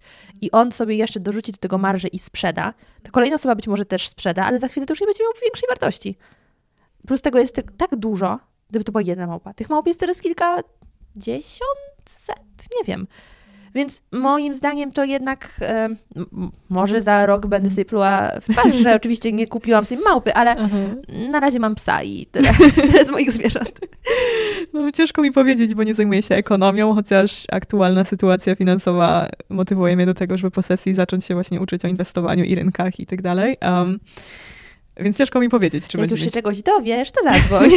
ja też chętnie skorzystam z twojej mądrości. Myślę, że tak na pewno to, to nigdy nie będę wiedzieć, w co warto inwestować. Nikt nie wie, ale... ale nikt nie wie. No właśnie. Ale na jest... tym zarabiają, także brawa dla nich. No. Um, Okej, okay, czyli wracając do, do naszego tematu, y, marksizm to było coś, co zgłębiłaś, co cię zafascynowało, natomiast dzisiaj jesteś po prostu mądrzejsza o tą wiedzę, ale się nie utożsamiasz. Tak, tak, tak. Znaczy to jest po prostu jedna z takich mhm. filozofii. Um, Później konsumpcjonizm był tak, po drugiej tak, stronie. Tak, tak, tak. A gdzieś to była konsekwencja tego. Um, a teraz już się zajmuję raczej epistemologią i metafizyką ewentualnie, głównie epistemologią. Mm, właśnie. Um, Gdzieś to też się wzięło chyba z tego, że ja przeszłam bardzo ciężki rok e, w zeszłym roku i i się miałam takie poczucie, byłam w takiej depresji w ogóle. Wtedy zaczęłam robić podcast, żeby trochę wejść do świata i znowu robić coś, co jest dla mnie ważne. To, było, to jest taki kontekst w ogóle bardzo smutny. Ja wiem, że tego nie słychać, bo ja mam taki wesoły sposób mówienia, no. ale... I najbardziej mi rozwaliło, jak w którymś odcinku powiedziałeś, że ktoś cię skrytykował za to. Tak? Że, że zbyt radośnie chyba mówisz. A, rzeczywiście Chyba to był drugi odcinek, może, może trzeci. Jak? Super! Dzięki temu to nie jest takie mhm. smutne i nieprzystępne. Także... Tak, tak, o to mi chodzi. Ja też mogę w ogóle o tym porozmawiać, o tych zarzutach, które spotyka mój podcast i ja w ogóle tak, chętnie na nie odpowiem. E, w swoim podcaście nie chcę tego robić za bardzo, bo też nie chcę, żeby jakby to wyglądało jakieś wyrzuty, że nie można mnie krytykować czy coś takiego. Um, natomiast bo można oczywiście krytykować, ale ja też mogę odpowiedzieć. Um, Także tak, ale wcześniej zaczynałam jakiś inny wątek tak, przed chwilą. Tak, przez tą depresję założyć tak. podcast. E, tak, tak. I ja wtedy miałam takie nastawienie, że już mnie nie interesują ludzie. Mm, te tematy, które mnie interesowały kiedyś, czyli właśnie dobro świata, dobro ludzkości, żeby ten świat jednak zrobić na jakiś lepszy. E, miałam to zupełnie gdzieś wtedy e, i interesowało mnie tylko, jaki jest świat. Nieważne, czy są w nim ludzie, czy nie, jaki jest świat.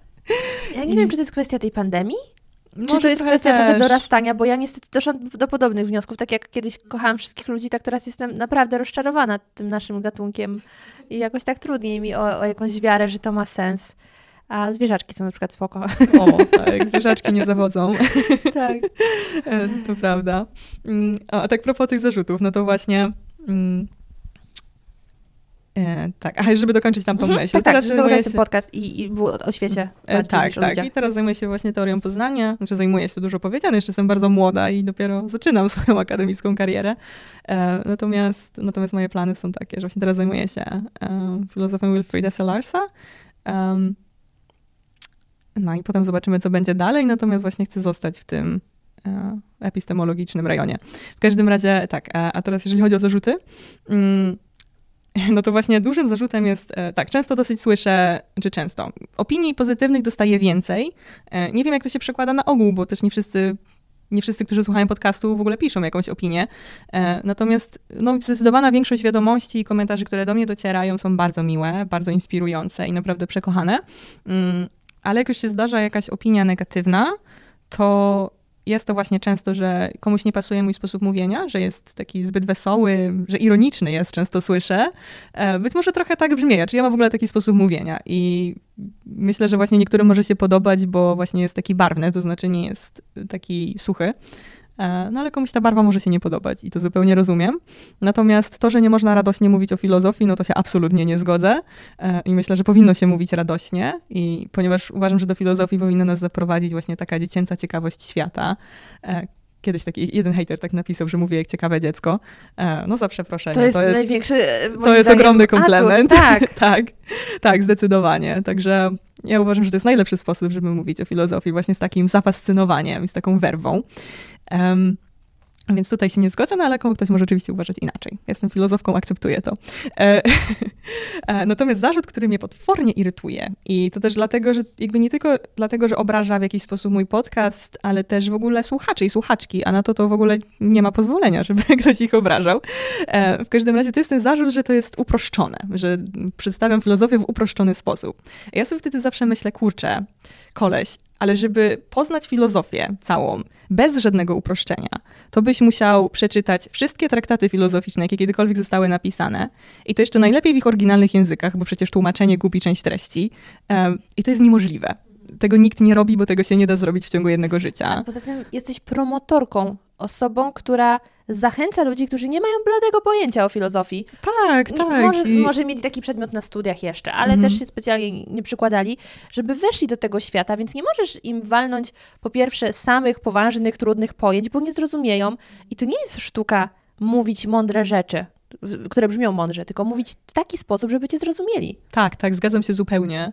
I uważam też, że no jakby, jeżeli ktoś, hmm, tak naprawdę najbardziej zaawansowany sposób, w jaki można poznać filozofię, no to kiedy zajmujesz się tym na pełen etat, jest to rzeczywiście coś, co robisz no ciągle, jakby to jest twoja główna rzecz i wtedy zajmujesz się pewną dziedziną, w której jesteś specjalistką. Um, resztę znasz właśnie już tak bardziej jako taki overview, no bo nie jesteś w stanie być specjalistką we wszystkim. I I to jest maksymalne, no ale nie każdy chce i czy może studiować filozofię i z tym zajmować całe życie, ale to nie znaczy, że on teraz musi być wykluczony z tego, żeby w ogóle ugryźć tej filozofii i zobaczyć, z czym to się je. Um, I to jest w ogóle też taki paradoks e, filozofii, że filozofowie mają taką tendencję do właśnie z jednej strony takiego trochę bufonowania, to znaczy, że o, my teraz się zajmujemy takimi poważnymi rzeczami, my tego nie możemy uprościć, ale potem narzekają, że nikt się nie interesuje filozofią. I no to jest potworna sprzeczność i ja uważam, że właśnie no trzeba, mm, jakby filozofia powinna być dla ludzi, to nie jest tak, że... E... Ona i tak będzie dla wybranych ludzi, bo nie każdy będzie gotów i chętny w to wejść. Więc to i tak jest moim zdaniem duży odsiew, bo ludzie mają różne umiejętności i też to jednak trzeba trochę się gdzieś zagłębić w niektóre tematy. A jeśli są osoby, które jednak prosto patrzą na tematy, i to nawet nie jest kwestia, że nie były ciekawe, ale czasem się, ja to miałam na psychologii rozwojowej, nie osiąga się tego ostatniego etapu myślenia abstrakcyjnego, złożonego. I oni tego nie zrozumieją, więc i tak jest pewien odsiew. Ale tych, co są w stanie to zrozumieć, zapraszajmy. tak. W sensie, zapraszajcie. Tam nie ma. E, tak, zdecydowanie, chociaż e, ja też mam tutaj dosyć dużą wiarę w ludzi, akurat w tym kontekście. Mm, myślę, że każda osoba jest każdy, każdy filozofuje na pewnym poziomie przynajmniej. I na przykład takie pytania jak, e, czy istnieje Bóg, czy czym jest miłość, e, jak żyć szczęśliwie, co jest dobre, a co złe, każdy się nad tym zastanawia. Tak naprawdę nawet każdy najbardziej prymitywny komentarz e, na temat polityki ma jakiś w sobie statement o moralności, więc um, ludzie się nad tym zastanawiają i jakby ciężko być człowiekiem i się nie zastanawiać. E, natomiast kwestia jest bardziej tego, czy my w ogóle chcemy poznać inne perspektywy, czy chcemy w ogóle w to głębiej wejść. Um, Bo to niejednokrotnie się doświadczy dysonansu poznawczego. Tak, tak, zdecydowanie filozofii. E, tak. No ja też staram się w swoim podcaście przedstawiać właśnie wszystko jak najbardziej obiektywnie. Um, chociaż już się. Z... Nieobiektywnie stwierdzając, wychodzi ci to. Dziękuję bardzo. Dziękuję. Staram się tak, bo też uważam, że no po pierwsze wierzę w wolność słowa um, i wolność wyznawanych opinii. Myślę, że jest to taka wartość moralna, którą warto w społeczeństwie wyznawać, um, ale też dlatego, że uważam, że nie da się nikogo przekonać do niczego tak na siłę i każdy musi sam dojść do, do swoich poglądów. Właśnie, tym bardziej, że to są kwestie światopoglądowe w dużej mierze, a to, no, jeśli w coś wierzysz, to właśnie musisz dojrzeć do innego stanowiska, albo nie musisz dojrzewać, po prostu jest ci z nim dobrze. E, ale tak, nie ma co przekonywać, bo to nie wyjdzie. tak, zdecydowanie. Można tylko pokazywać różne rozwiązania. Tak, i to staram się robić. I, I, gratuluję, ale powiem Ci, że ten zarzut, że za prosto um, podchodzisz do tematu, to ja też się z nim y, spotykam, tylko ja nie, nie, przekazuję tutaj treści, tylko staram się tę treść wyciągnąć od moich gości. I niejednokrotnie przeczytałam w komentarzu, że jestem głupia, że zadaję takie pytania, y, tylko zazwyczaj piszą to osoby, które znają temat i przychodzą na przykład znają e, temat, są fanami Formuły 1 i oni wiedzą wszystko, albo e, są specjalistami w gry RPG. Takie dałam tematy mniej popularne wśród przeciętnego człowieka i on wchodząc tutaj nie dowie się niczego nowego. Tylko może posłuchać, jak człowiek, który się nie zna na temacie, pyta o to człowieka, który się zna. I ja oczywiście do każdej rozmowy robię sobie research. Ale moi słuchacze nie robią tego researchu. Więc jeśli ja zacznę gadać z moim gościem już na pewnym poziomie wiedzy, no to jaka jest z tego korzyść dla osób, które jeszcze nie znają tematu? I też właśnie stwierdzam, że warto zrobić krok do tyłu i uprościć to, żeby ktoś poczuł się zachęcony, żeby wejść do Twojego świata w tym przypadku. Tak, tak, zdecydowanie.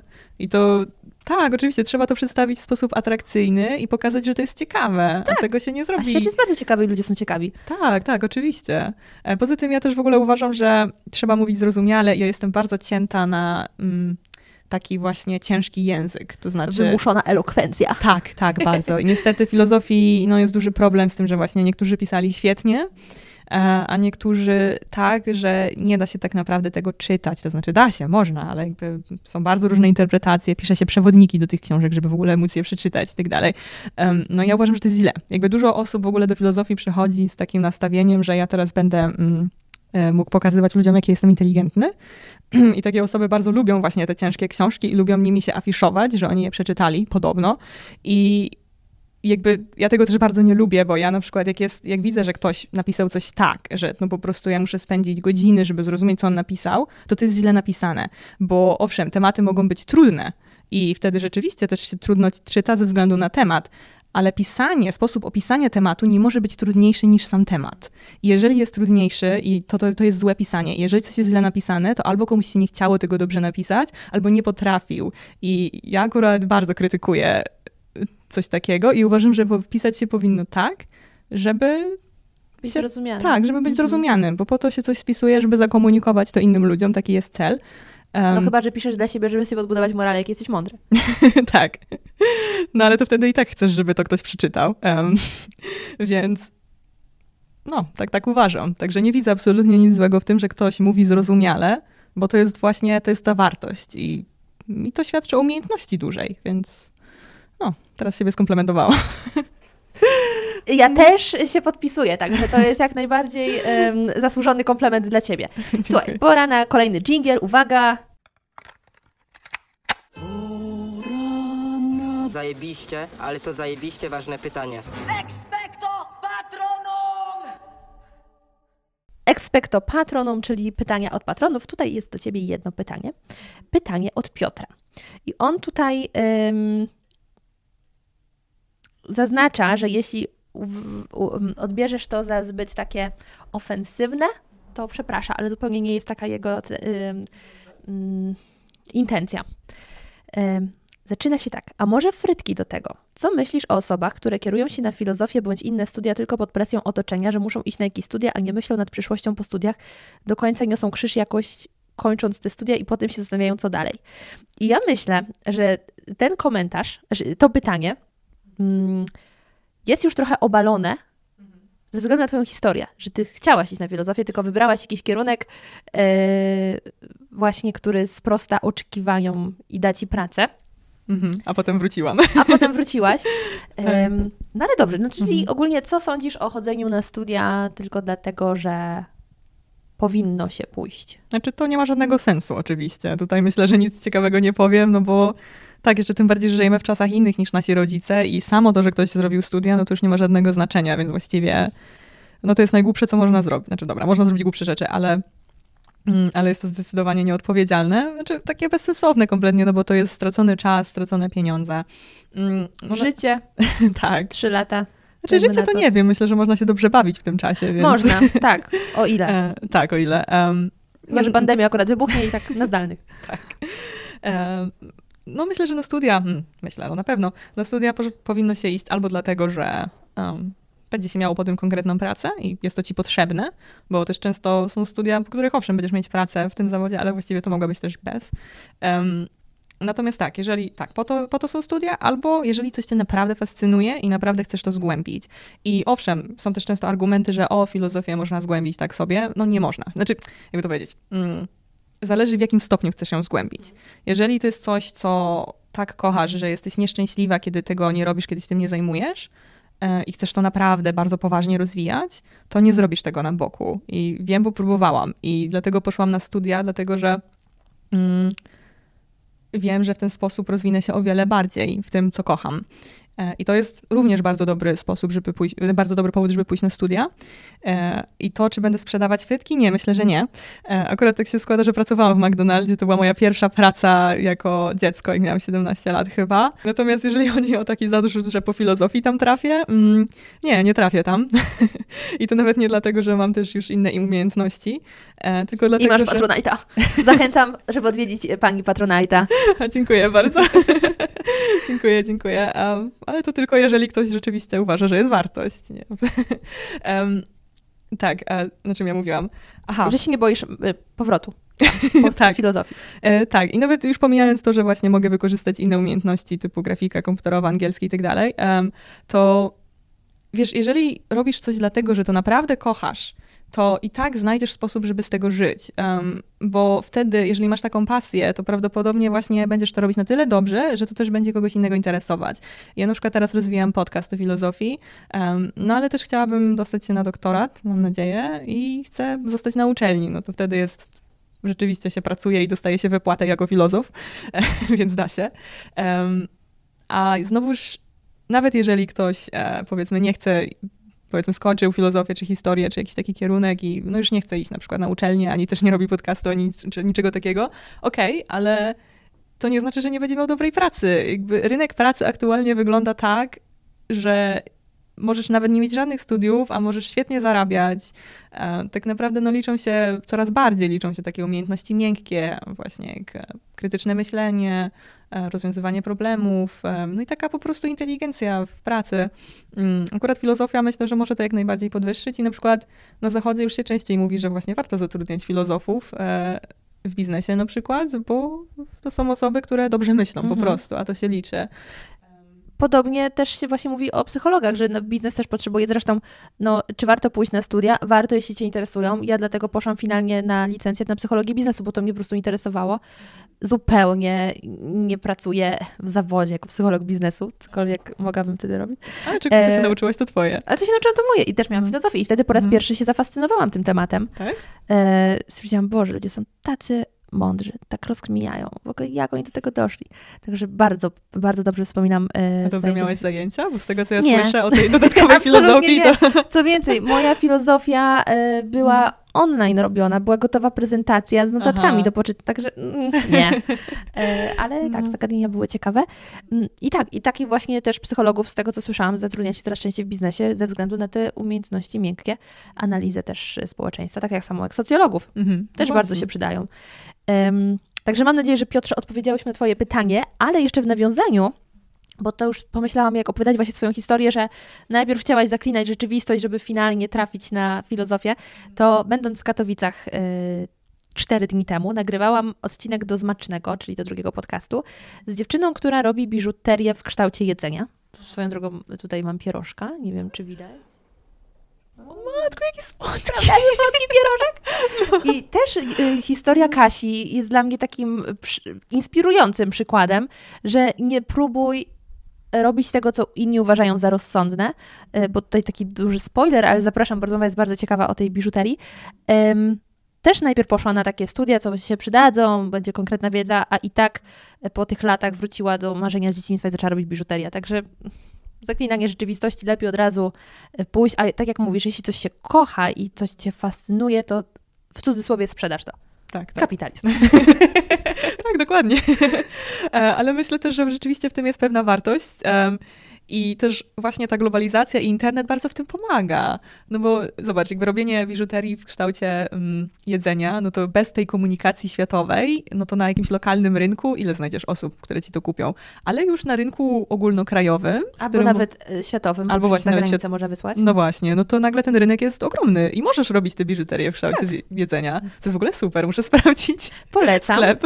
Y czy są jednak jakieś kwestie, które nie stały się e, przedmiotem rozważań filozofów? Jest cokolwiek, co nigdy nie było rozkminiane przez filozofów? E, wydaje mi się, że pewnie nie. To znaczy jakieś takie bardzo szczegółowe problemy, czy jakieś takie rzeczy, które filozofia uznaje za niewystarczająco ważne, no to pewnie tak. Znaczy to pewnie dużo takich problemów, ale jak już mówimy o takich ogólnych rzeczach, na przykład jakichś dziedzinach, dziedzinach aktywności ludzkiej, czy dziedzinach naukowych, to wszystko. No czekaj, rozkminimy. Mm. No podaj mi przykłady, tak będzie prościej, bo... Jakiś motyw poruszania się i samochodów? Jesteś o samochodach w filozofii? Mm, o samochodach w sensie Pojazdach, na przykład... że są i są fajne? E, wiesz co, na przykład jest o postępie technologicznym. No tak. No to czy, czy to jest dobre, czy mhm. właśnie może niekoniecznie, jakie są wartości tego zagrożenia i tak dalej. Um, więc w tym sensie tak, owszem. Albo na przykład e, jak e, programować samochody, że, te, które jeżdżą względem mm, etycznym. Właśnie, etyka. No, Imor- no okej, okay, no, do, no dobra. Czyli zakładamy, że jednak o wszystkim sobie w wolnych chwilach rozkminiają. W takim razie już na koniec. Ostatnie pytanie. Przez lata, już można powiedzieć, że w latach, y, poznałaś różne właśnie myśli, y, różne rozkminy, różne koncepcje. Czy z tych wszystkich myśli stworzyłaś własną, czy jesteś utrzymana, po prostu inspirujesz się i podpinasz pod myśl kogoś, że tak, to jest moje postrzeganie świata, czy z tego powstała Twoja wypadkowa i docelowo mogłabyś zacząć twoje, tworzyć swoją filozofię, swoje dogmaty? Myślę, że tworzę swoją. E, nie nazwałabym tego dogmatami. E, tak, ale to jest w procesie. To znaczy, jeszcze jak byłam młodsza, to myślałam, że o, ja już po prostu mam swoje, swoje poglądy, już wiem, o co ja myślę. Ale potem to się weryfikuje no bardzo tak. szybko. Im więcej wiesz, tym wiesz mniej. Tak, tak, dokładnie. Także, a teraz jestem w ogóle na takim etapie właśnie um, rethink, e, że jakby to wszystko myślę jeszcze raz. Um, więc to jest w procesie, ale, ale tak. To znaczy na pewno e, filozofia i jakby myśli innych ci pomagają, to znaczy pokazują ci perspektywy, e, bo nie wiadomo, nie, niezależnie od tego, jak inteligentną jesteś, to nie wymyślisz wszystkiego. E, więc badanie historii filozofii i w ogóle filozofii e, na pewno pomaga w buduje, jakby stwarza ci, mm, poszerza twoje horyzonty. O, masz więcej takiego mięsa, że tak powiem, z którego możesz korzystać. E, brzydko powiedziane, ale myślę, że obrazowe. I... Bardzo. tak. Wracamy do motywu kotletów. tak. Um, tak, ale no staram się stworzyć swój. A co Czyli, to jeszcze będzie, to no, myślę, myślę cały czas. Rozważam różne opcje. Um, tak. Super. Z przyjemnością mm. będę obserwować, jak to wszystko mm. się będzie u Ciebie rozwijało. No bo już nawet patrząc na przykładzie podcastu, to ogromny skok od podcastu, mm. który dziś znalazłam, do podcastu, który jest bardzo fajnie um, w rankingach lokowany i teraz jest lokowany w podcaście moim. E, także e, drodzy moi umiłowani, zapraszam Was, filozofia po prostu. Zapraszam Po prostu serdecznie. to takie proste, można tam naprawdę fajnie porozkminiać. E, no i właśnie, zacząć myśleć krytycznie, widzieć tak. wielowymiarowo. Mhm. Moim gościem była Karolina. Dziękuję bardzo. Dziękuję bardzo za rozmowę.